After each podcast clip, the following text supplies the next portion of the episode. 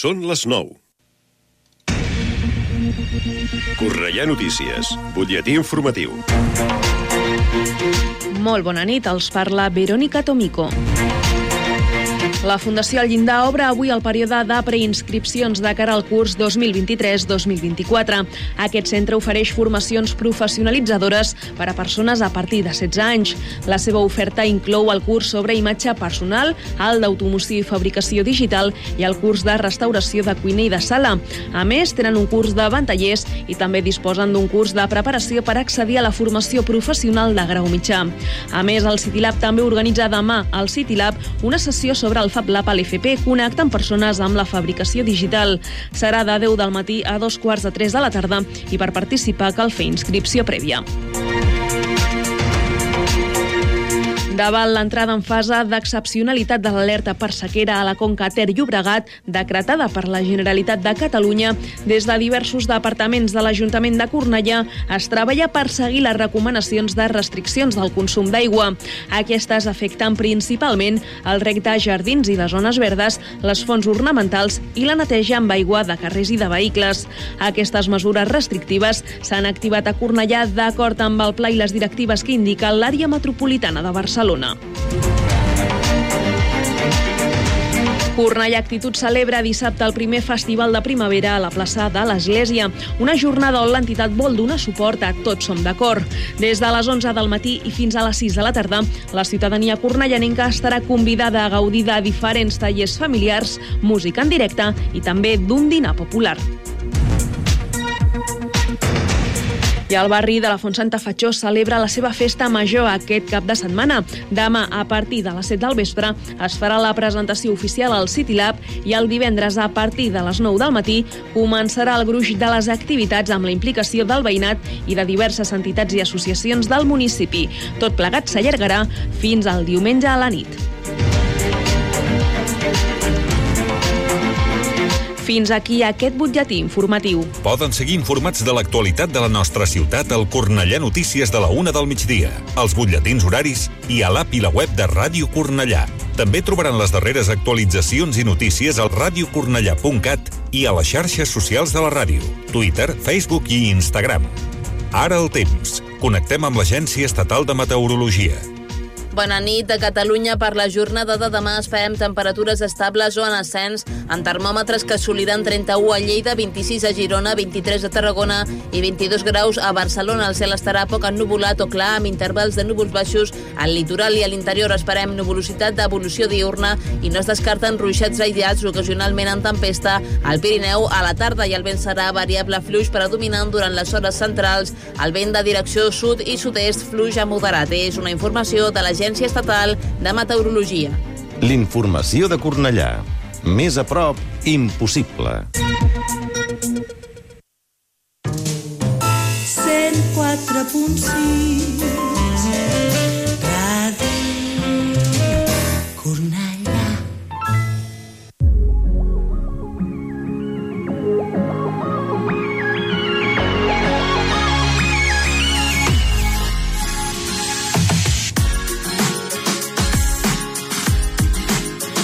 Ara comença Let's Go Creu Roja, mitja lluna roja i cristal roig, amb el patrocini de Conxeroria Montserrat.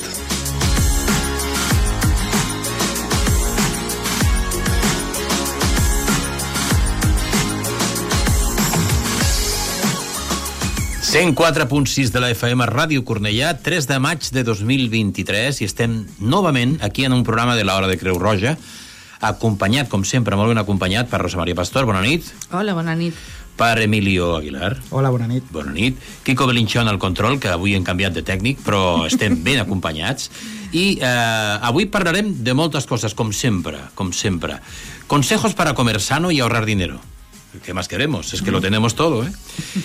Hablaremos del voluntariado como consecuencia de una tradición de valores en el ámbito de la familia. Hablaremos del etiquetado de los alimentos. La vida llama a la reducción del plástico. Cuidado que tenemos un grave problema con el plástico de un solo uso y seguimos utilizando mucho plástico.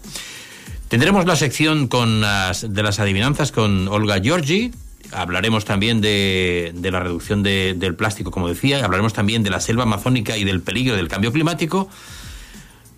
Hoy viajamos eh, nuestra compañera Mayalén Prieto nos llevará concretamente a, a- al Hoy Viajamos, eh, que nos llevará precisamente a un, a, un, lugar que luego os explicaré porque tiene mucho que ver conmigo y con, eh, digamos, con donde yo nací. Y hablaremos también de la salud por la acidez estomacal, las causas y alimentos que la pueden evitar. Y por último, ya la meditación, que se ha convertido en una herramienta gratuita para mejorar nuestra salud.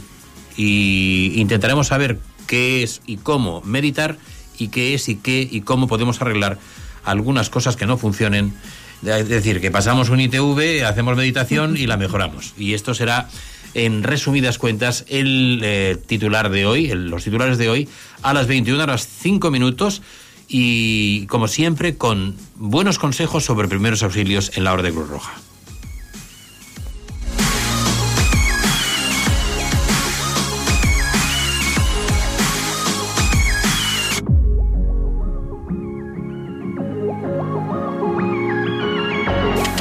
La vulnerabilidad a efectos eh, de las crisis recientes, se ha visto reflejada en la cesta de la compra de los hogares. Las subidas generales de precios han supuesto un golpe para muchas familias en detrimento de la calidad de vida y de su salud.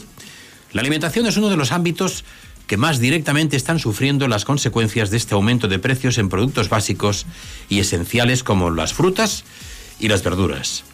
Con el objetivo de concienciar y formar en materia de alimentación saludable, Cruz Roja acompaña y realiza formaciones para que las personas que viven al límite por la escasez, la escasez de ingresos o con un bajo poder adquisitivo puedan ahorrar a la hora de hacer la compra.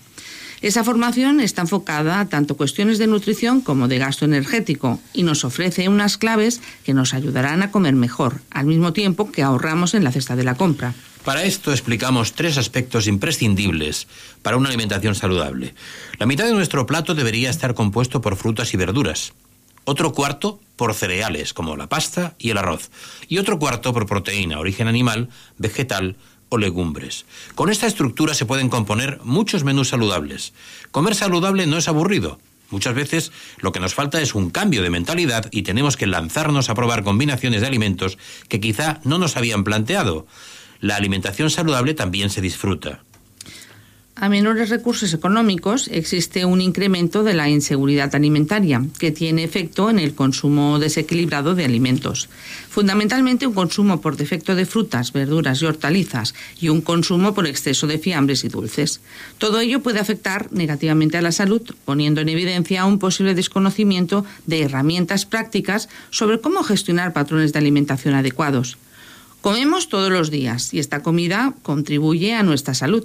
Nuestra salud debe cuidarse a través de la alimentación y para que una alimentación sea saludable no tiene por qué ser cara ni aburrida. Y no podemos darle todo el poder a la alimentación porque para cuidarnos en salud tenemos que promover otros hábitos. Aumentar poco a poco el ejercicio físico, reducir los niveles de estrés o cuidar la salud mental. Son hábitos indispensables. Ansiedad, insomnio, depresión. Llamar a las cosas por su nombre es de valientes. Pedir ayuda, si lo necesitas, también. Cruz Roja te escucha. Llámanos 900-107-917.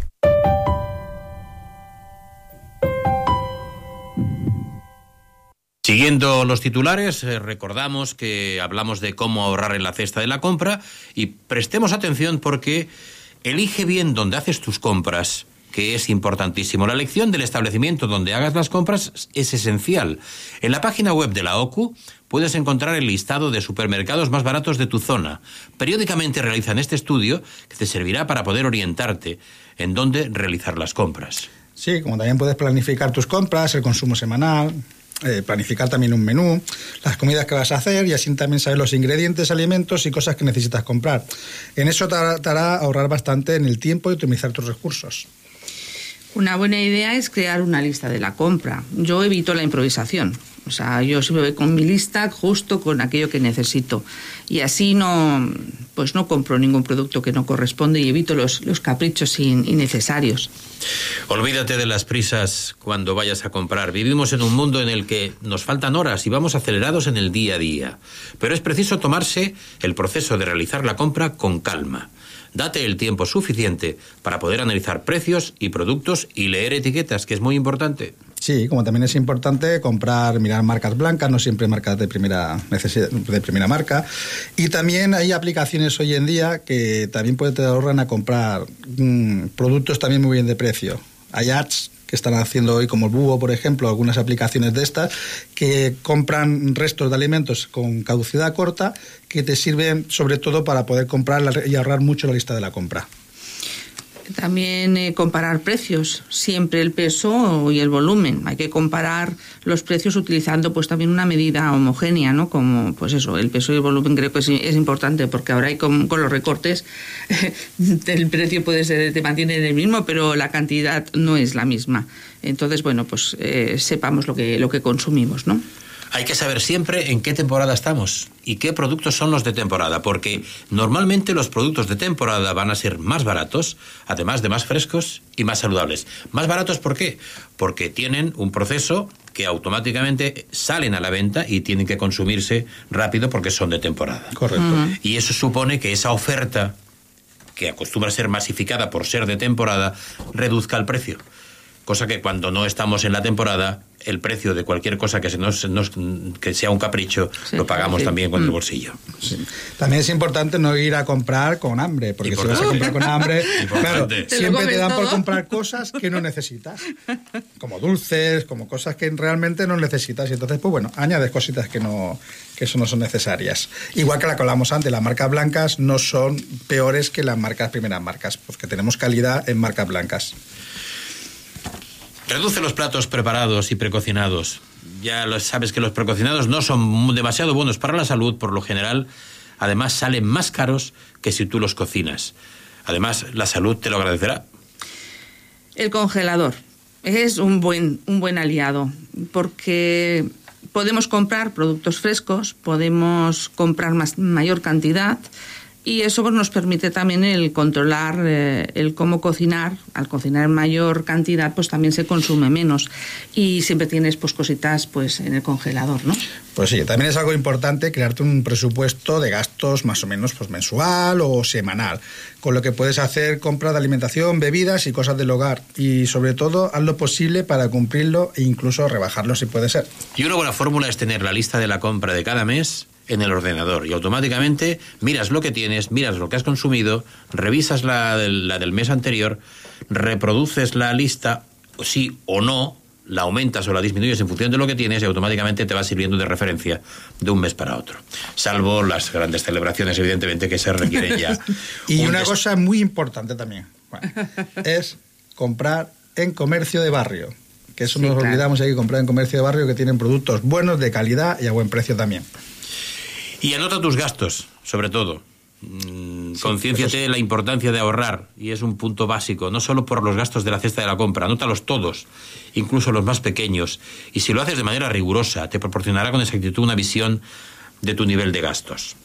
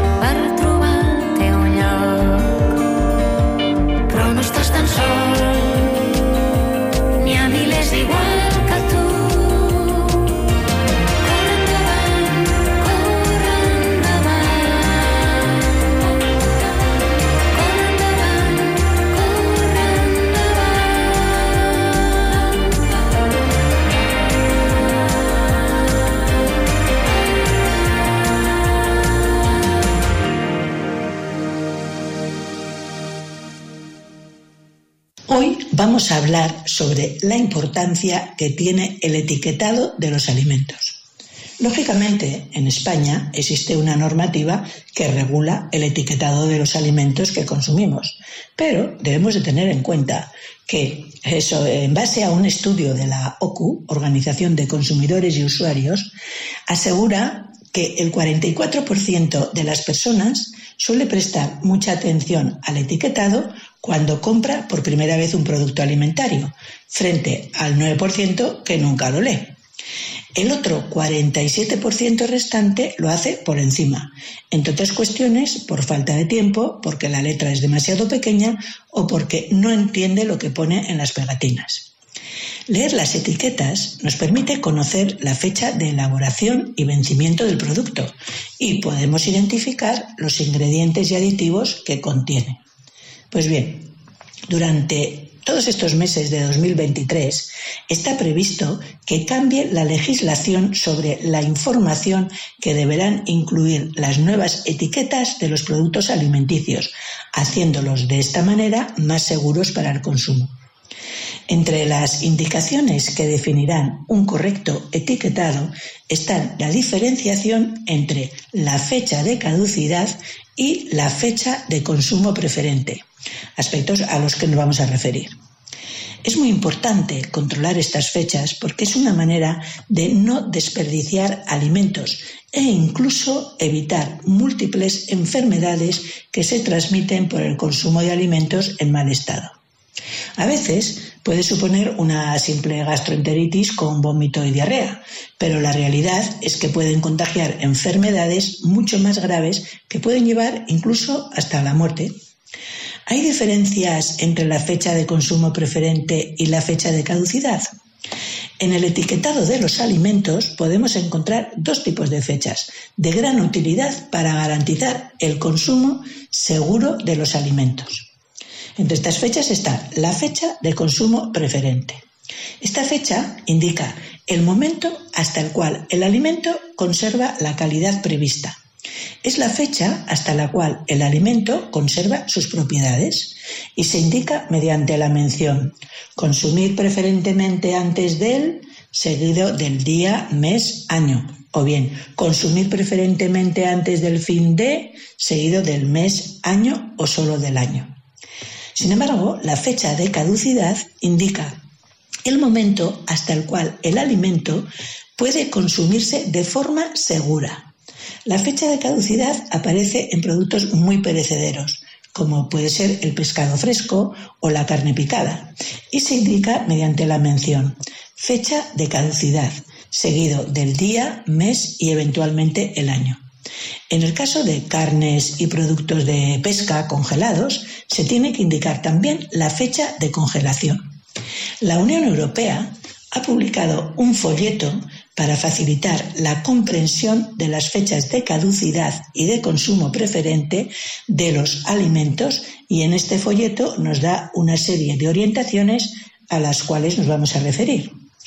Respecto a la fecha de consumo preferente, el alimento sigue siendo seguro para el consumidor una vez pasada la fecha de consumo preferente, siempre que se respeten las instrucciones de conservación y su envase no esté dañado.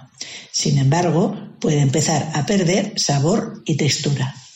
La fecha de consumo preferente aparece en una amplia variedad de alimentos refrigerados, congelados, desecados, como pueden ser, por ejemplo, la pasta, el arroz, etc., enlatados y otros alimentos como el aceite vegetal, chocolate, etc.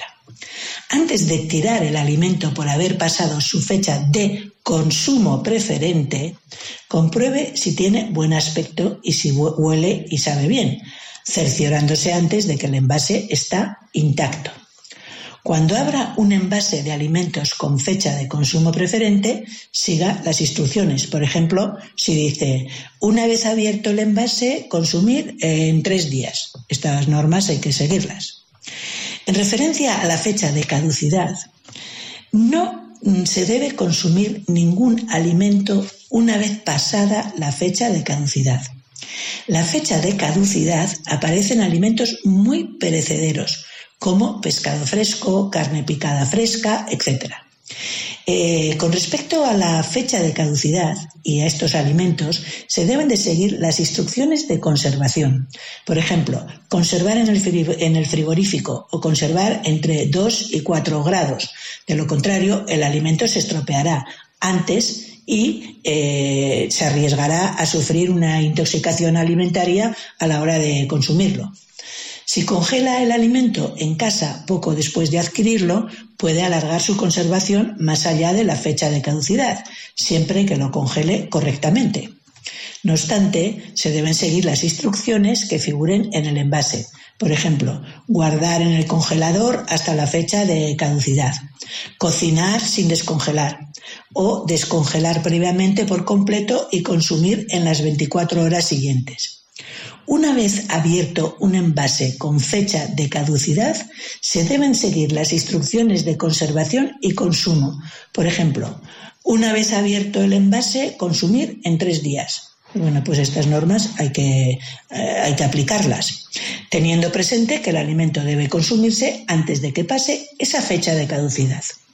Esperamos que estas recomendaciones os sean de utilidad y se recomienda seguirlas para evitar posibles problemas. Amor, tu has estat al camí quan m'he sentit perdut. Tu has sigut el meu alè i el valor que em portava endavant.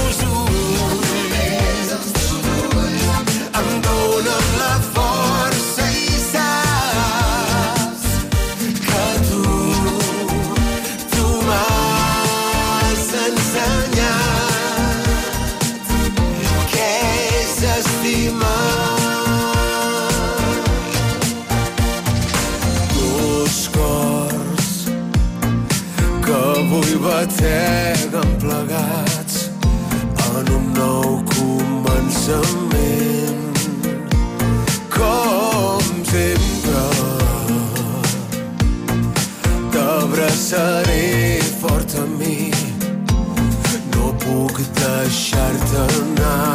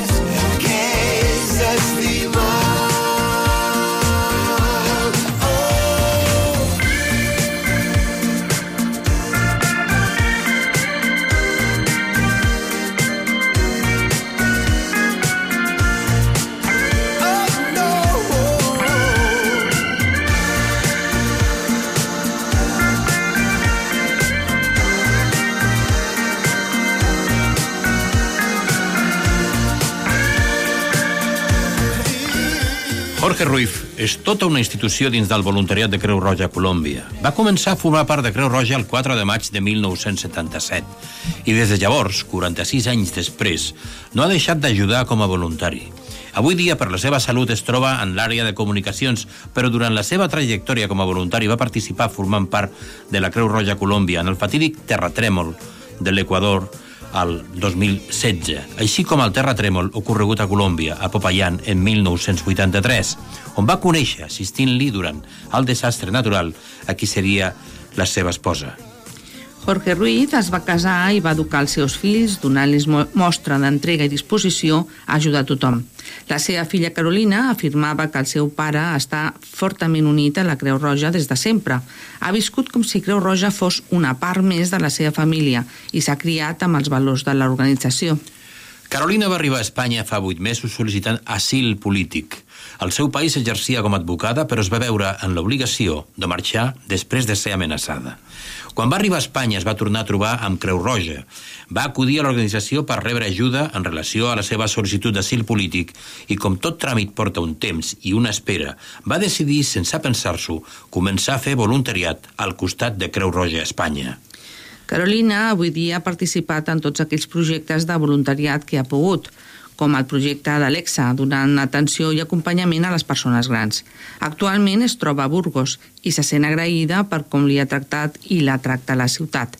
Els meus tres llocs en el món són Popayán, Cali i Burgos, assegura. Sento que a través del voluntariat puc agrair tot el que aquest país i ciutat està fent per mi. No fa falta fer grans coses. En poc que facis eh, ja estàs ajudant a qui tens al costat, ens confessa Carolina. Quan el meu papa va rebre la notícia de que jo participava en el voluntariat de Creu Roja a Espanya, va plorar de felicitat. Ell em deia, filla, tenim en la sang aquest do de voler ajudar. No tothom el té. Has de viure'l, filla, comentava emocionada Carolina. Aquesta mirada humana de la nostra protagonista cap a les persones demostra el poder del voluntariat, així com la importància que Jorge Ruiz, el papà de Carolina, i la seva família posessin en el centre la bondat, l'ajuda i el fet de donar la mà com a factor clau del seu creixement. Festa voluntari. I tens l'oportunitat perquè aquest cap de setmana tenim una, una fira del voluntariat aquí a Cornellà, concretament el divendres entre Les 4 i mitja, 5. Sí. 4 i mitja 5 fins a les Les 8. 8 aproximadament, a la plaça de l'Ajuntament. Sí, ahí tendremos la carpa de la asamblea nuestra de aquí de Cornellá, donde, bueno, podréis venir y os informaremos un poco de lo que hacemos el voluntariado. I de la resta d'entitats que també Mhm. funcionen en Sí, voluntariat. correcte. La botiga solidària i tota aquesta gent, les entitats de Cornellà, que se- se- el que faran d'alguna manera és cridar l'atenció a tot aquell que tingui aquesta sensació de voler ser eh, un voluntari. 21 hores 28 minuts a l'hora de Cruz Roja i, i estem, estem ja tocant pràcticament eh, la meitat del programa, però ara parlem d'una qüestió que és evident i que hem parlat també als titulars, i és que és el plàstic. És, és un perill, el plàstic. No sé, si- no sé què ens heu de dir del plàstic, però vosaltres teniu molta informació al respecte. Sí, Endavant. Pues mira, con la, con la contaminación del plástico se ha convertido en uno de los retos medioambientales más ah, acuciantes en nuestro tiempo. La producción, la incineración de plásticos contribuyen en gran medida al cambio climático. Los residuos plásticos también ahogan nuestras vías fluviales, contaminan nuestros océanos, matan la vida silvestre y se infiltran en nuestra cadena alimentaria. Si la tendencia actual continuara, en el 2050 habrá más unos 12.000 millones de toneladas de residuos de plástico en nuestros vertederos o contaminando el medio ambiente, el equivalente a casi ocho- 80 millones de ballenas azules. Dado que el problema del plástico sigue creciendo como una bola de nieve, debemos trabajar con rapidez para tomar medidas audaces y decisivas que reviertan la situación de los residuos plásticos en todo el mundo, a través de investigaciones científicas, innovaciones tecnológicas y soluciones normativas audaces. A pesar de la magnitud del reto que tenemos ante nosotros, hay medidas sencillas que puedes tomar hoy mismo para ayudar a luchar contra la contaminación por plásticos.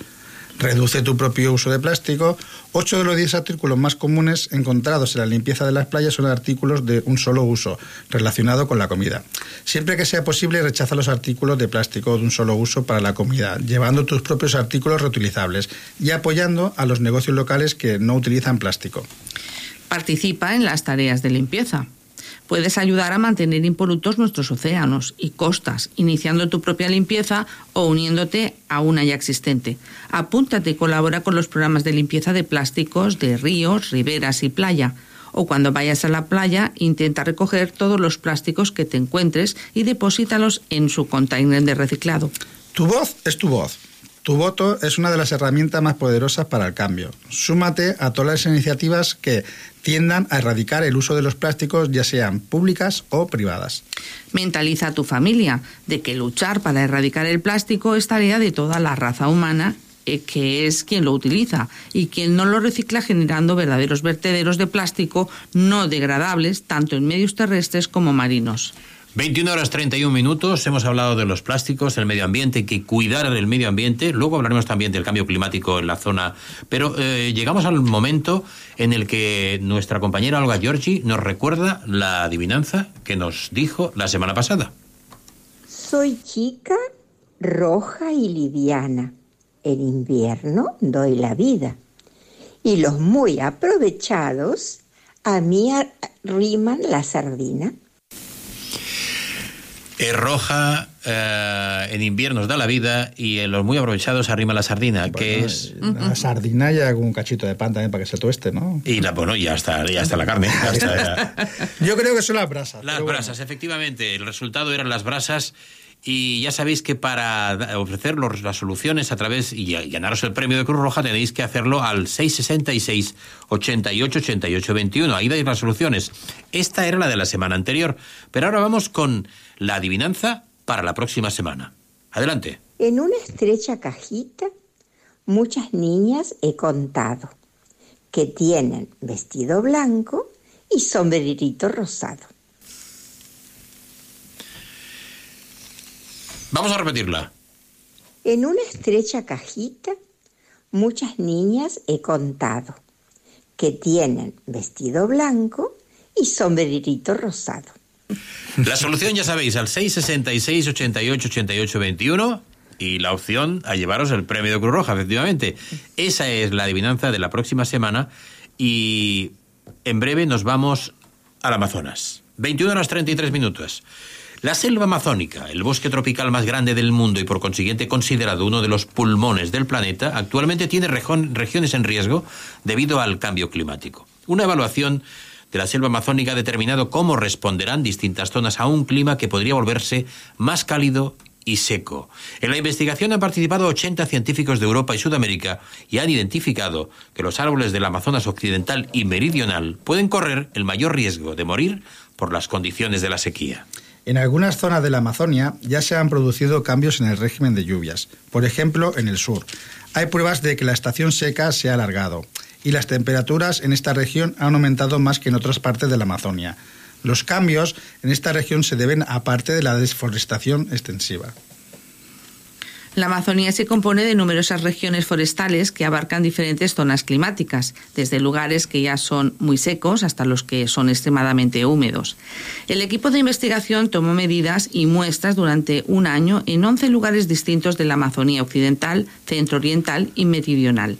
El estudio incluyó datos de 540 árboles individuales de 129 especies.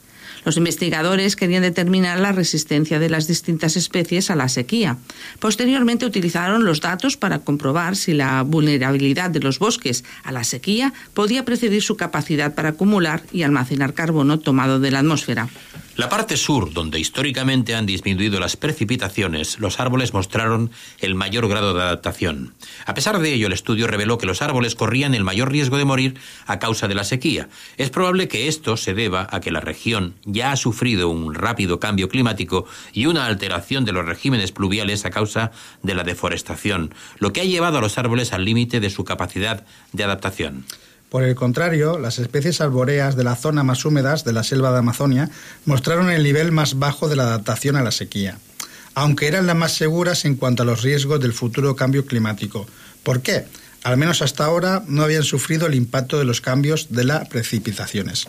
Los resultados del nuevo estudio deberían servir para actualizar y perfeccionar los modelos existentes sobre el impacto de la sequía en el Amazonia.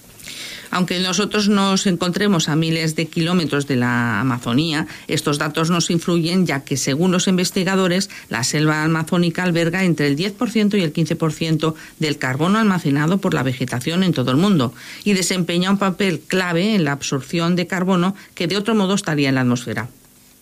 El profesor Emanuel Glur de la Universidad de Leeds, quien codirigió el estudio, informa que el patrón de resistencia y riesgos identificado entre las distintas poblaciones de árboles del estudio se utilizará para construir modelos climáticos más eficaces y precisos de la forma en que la Amazonia pueda cambiar a medida que la región responde al cambio climático.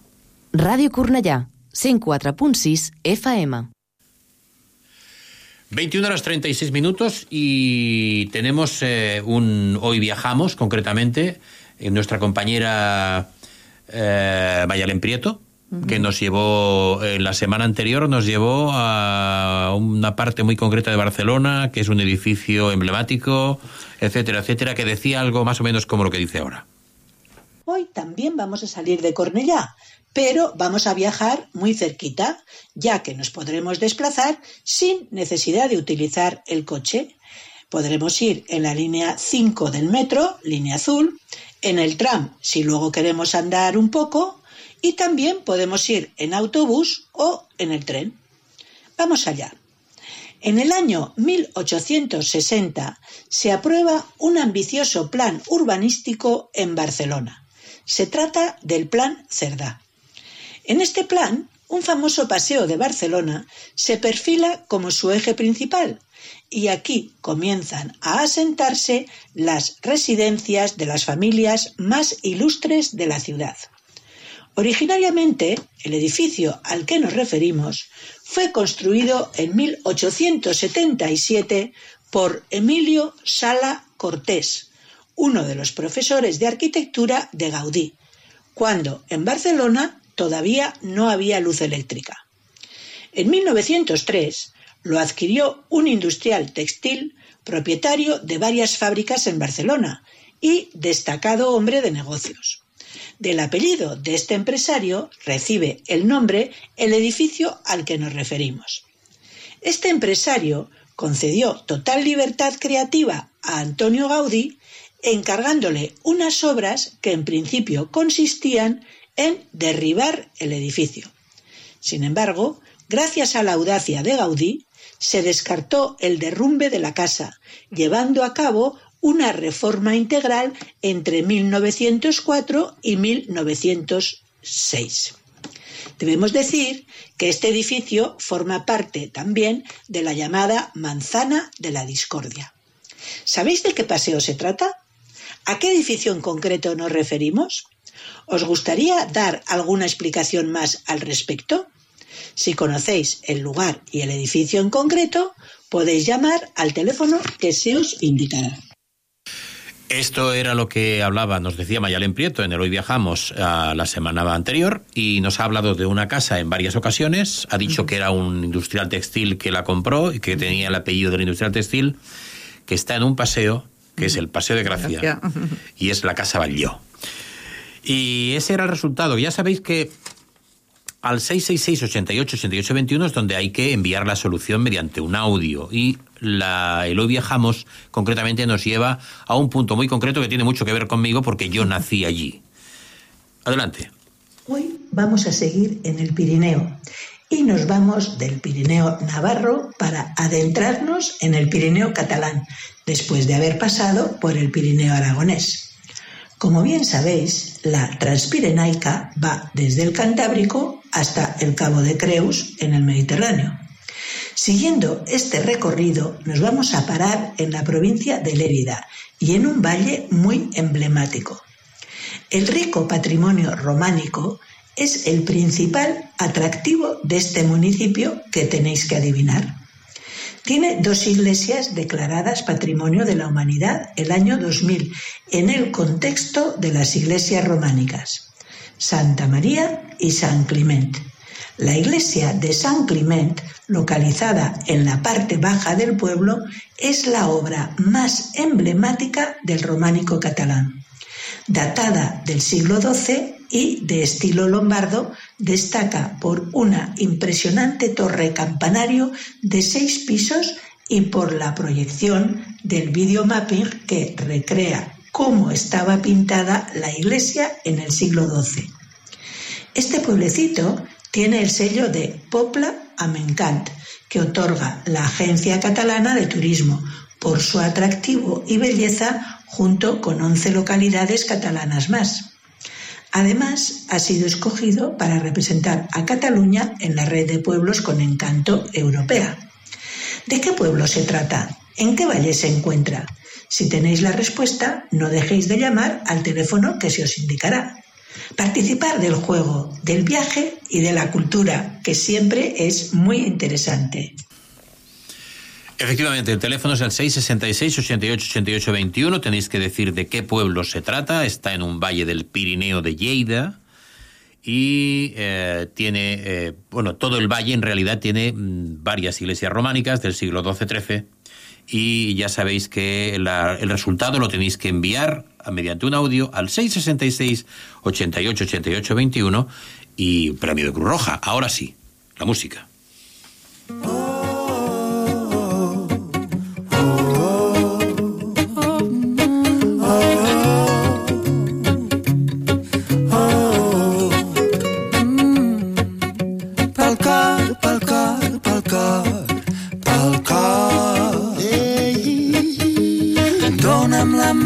D'aquí, al cor.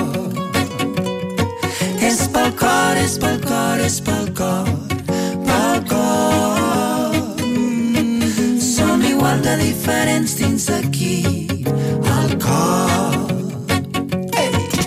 Ell té les cames llargues, ella està pot patir. Aquell dels ulls atginats, tu els tens arrodonits. Grossos primers, uns baixets, uns altres venes. Som tan diferents, però la pell del cor és igual. És simple. Pel cor, pel cor, pel cor, pel cor.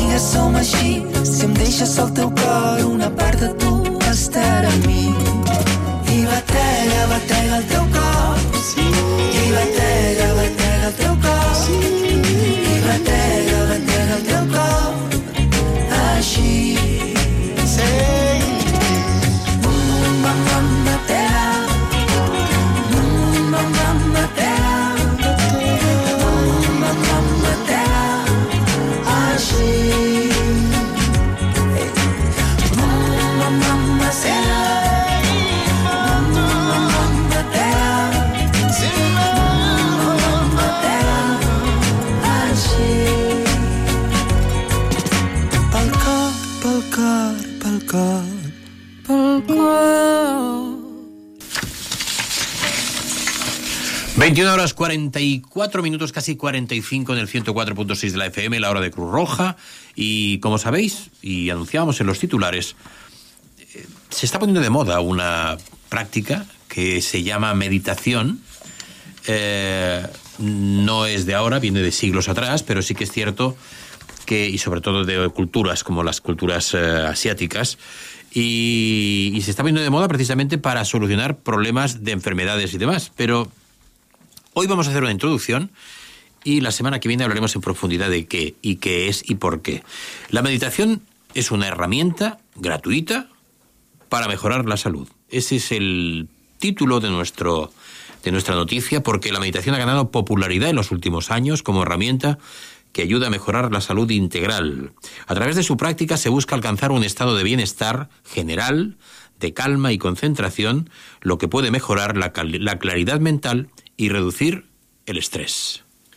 Nuestra sociedad venía incrementando de forma acelerada durante las últimas décadas el porcentaje de personas que sufrían tras- trastornos de ansiedad y estrés debido al ritmo de vida acelerado, el enfoque permanente en el futuro, las presiones de las redes sociales. Estas cifras se vieron disparadas con la COVID-19, que además las hizo más visibles y las dejó en evidencia.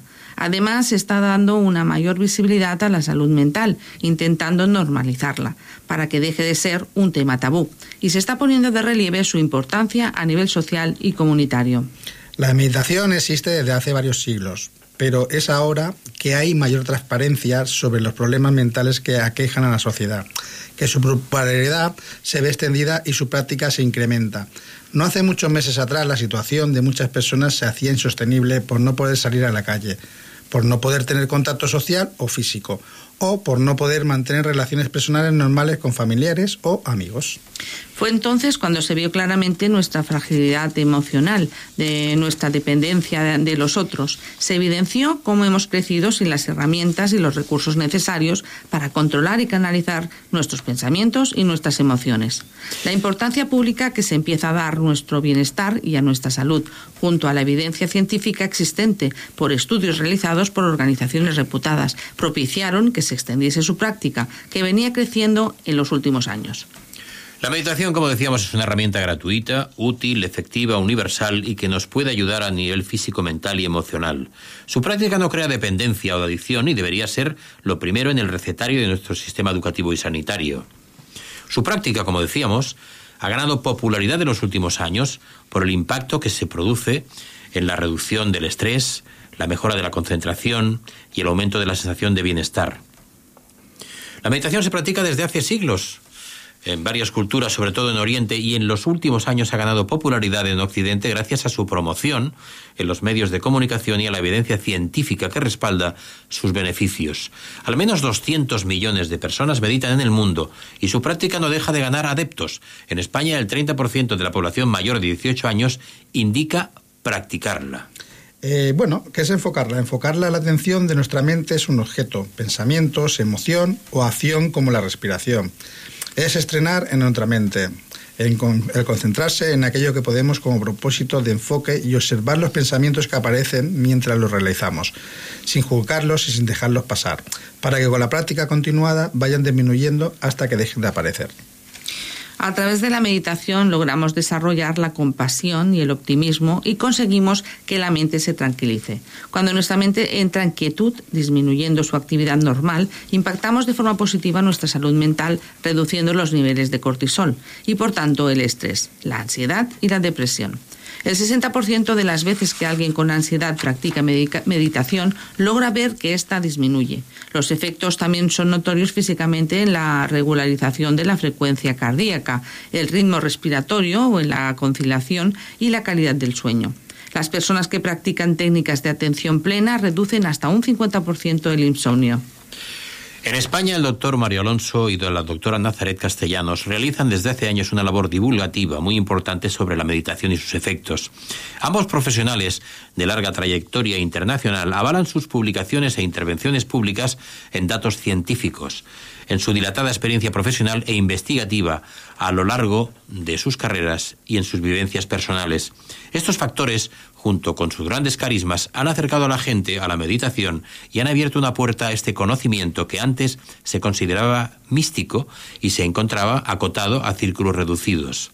También se debe destacar la difusión de la meditación y de la práctica del yoga, que siempre incluye técnicas meditativas por parte de diferentes personalidades públicas y creadores de contenido. Ellos, a través de las redes sociales, la han dado a conocer y la han acercado a un público más joven y variado.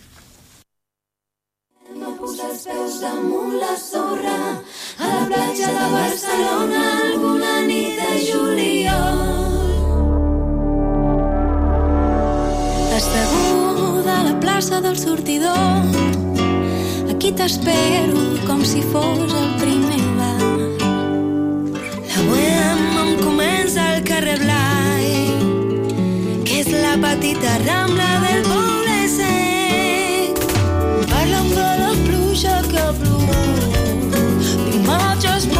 mules, els mirats de mules fa. Potser és per això que el teatre està tan buit. Potser és per això que avui sento tan buida les meves mans. Tornarem a posar els peus damunt la sorra a la platja de Barcelona una nit de juliol.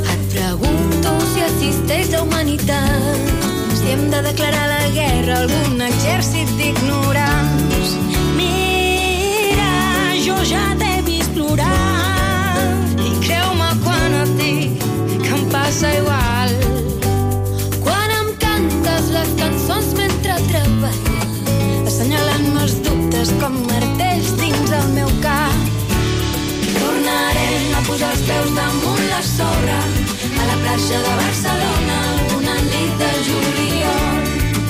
I escriurem que no ens prendran mai més la vida, que donem veu a les veles quan cantem rombes al pont.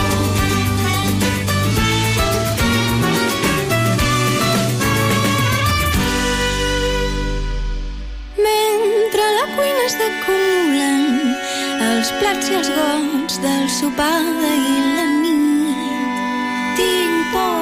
posar ordre a aquesta vida o de fer-ho quan ja estigui massa tard.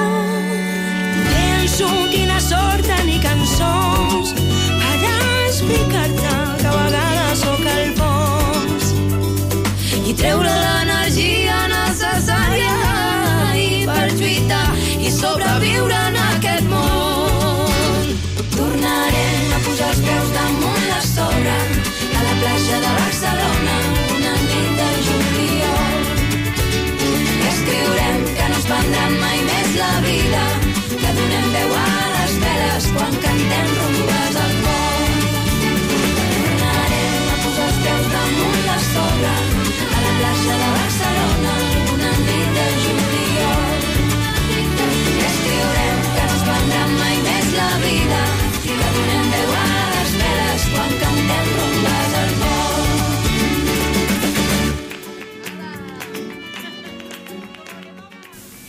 Bueno, y hablaremos de la acidez estomacal, las causas y elementos que deberíamos evitar para que no vayan a más.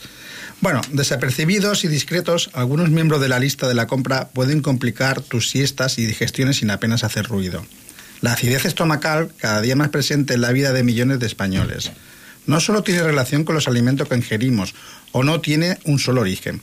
La enfermedad de reflujo gastroesofágico, también conocida como ardor de estómago o, en término clínico, como pirosis, aunque en los tres casos nos referimos al mismo malestar.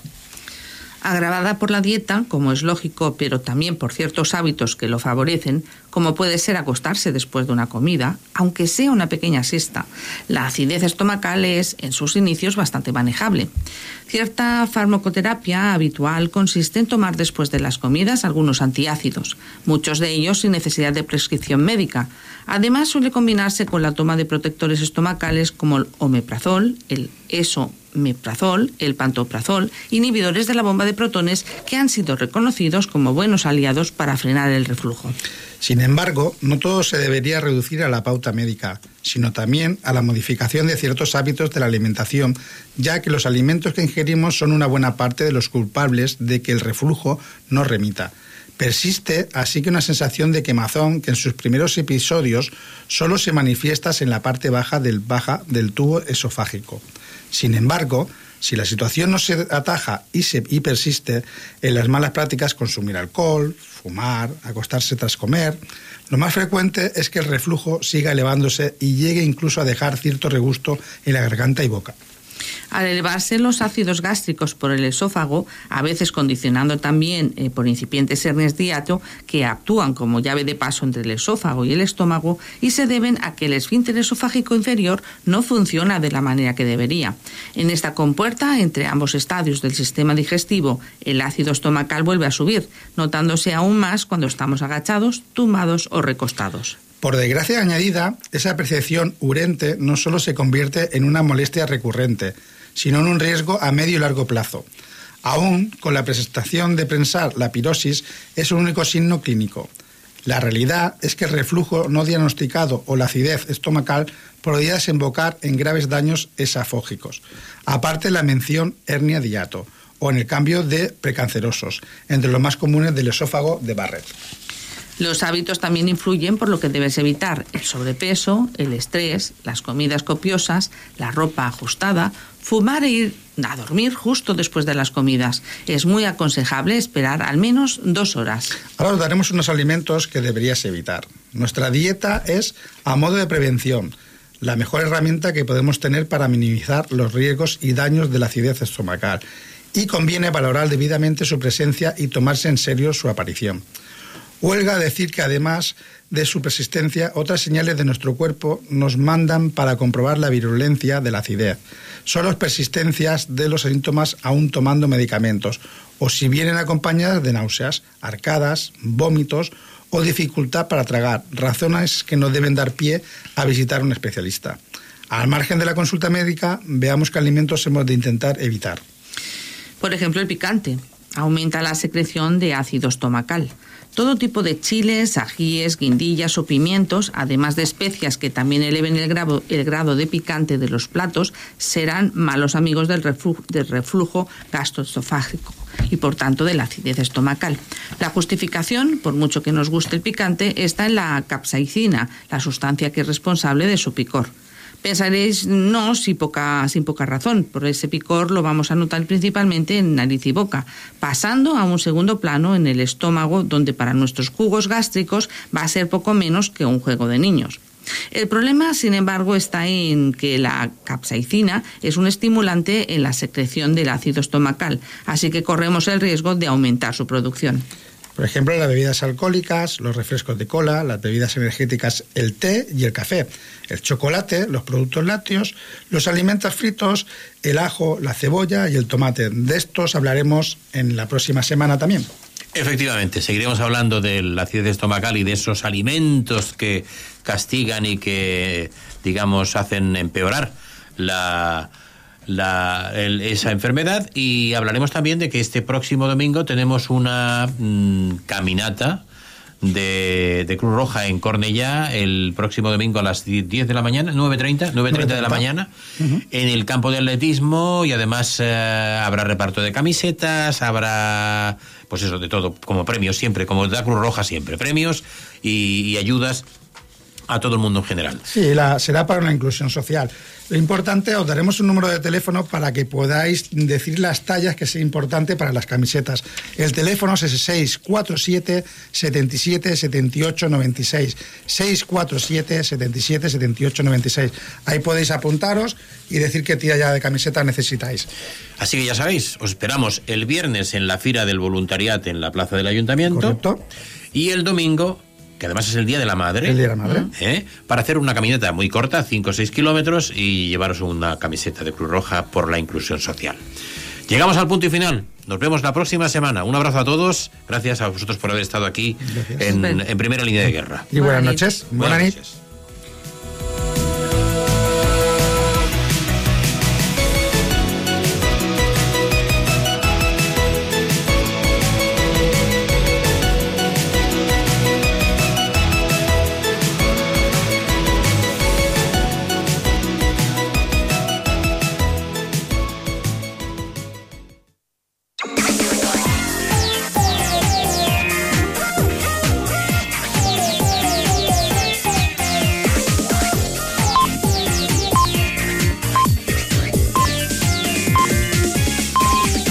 Són les 10. Correia Notícies, butlletí informatiu. Molt bona nit, els parla Verónica Tomico. La Fundació El Llindar obre avui el període de preinscripcions de cara al curs 2023-2024. Aquest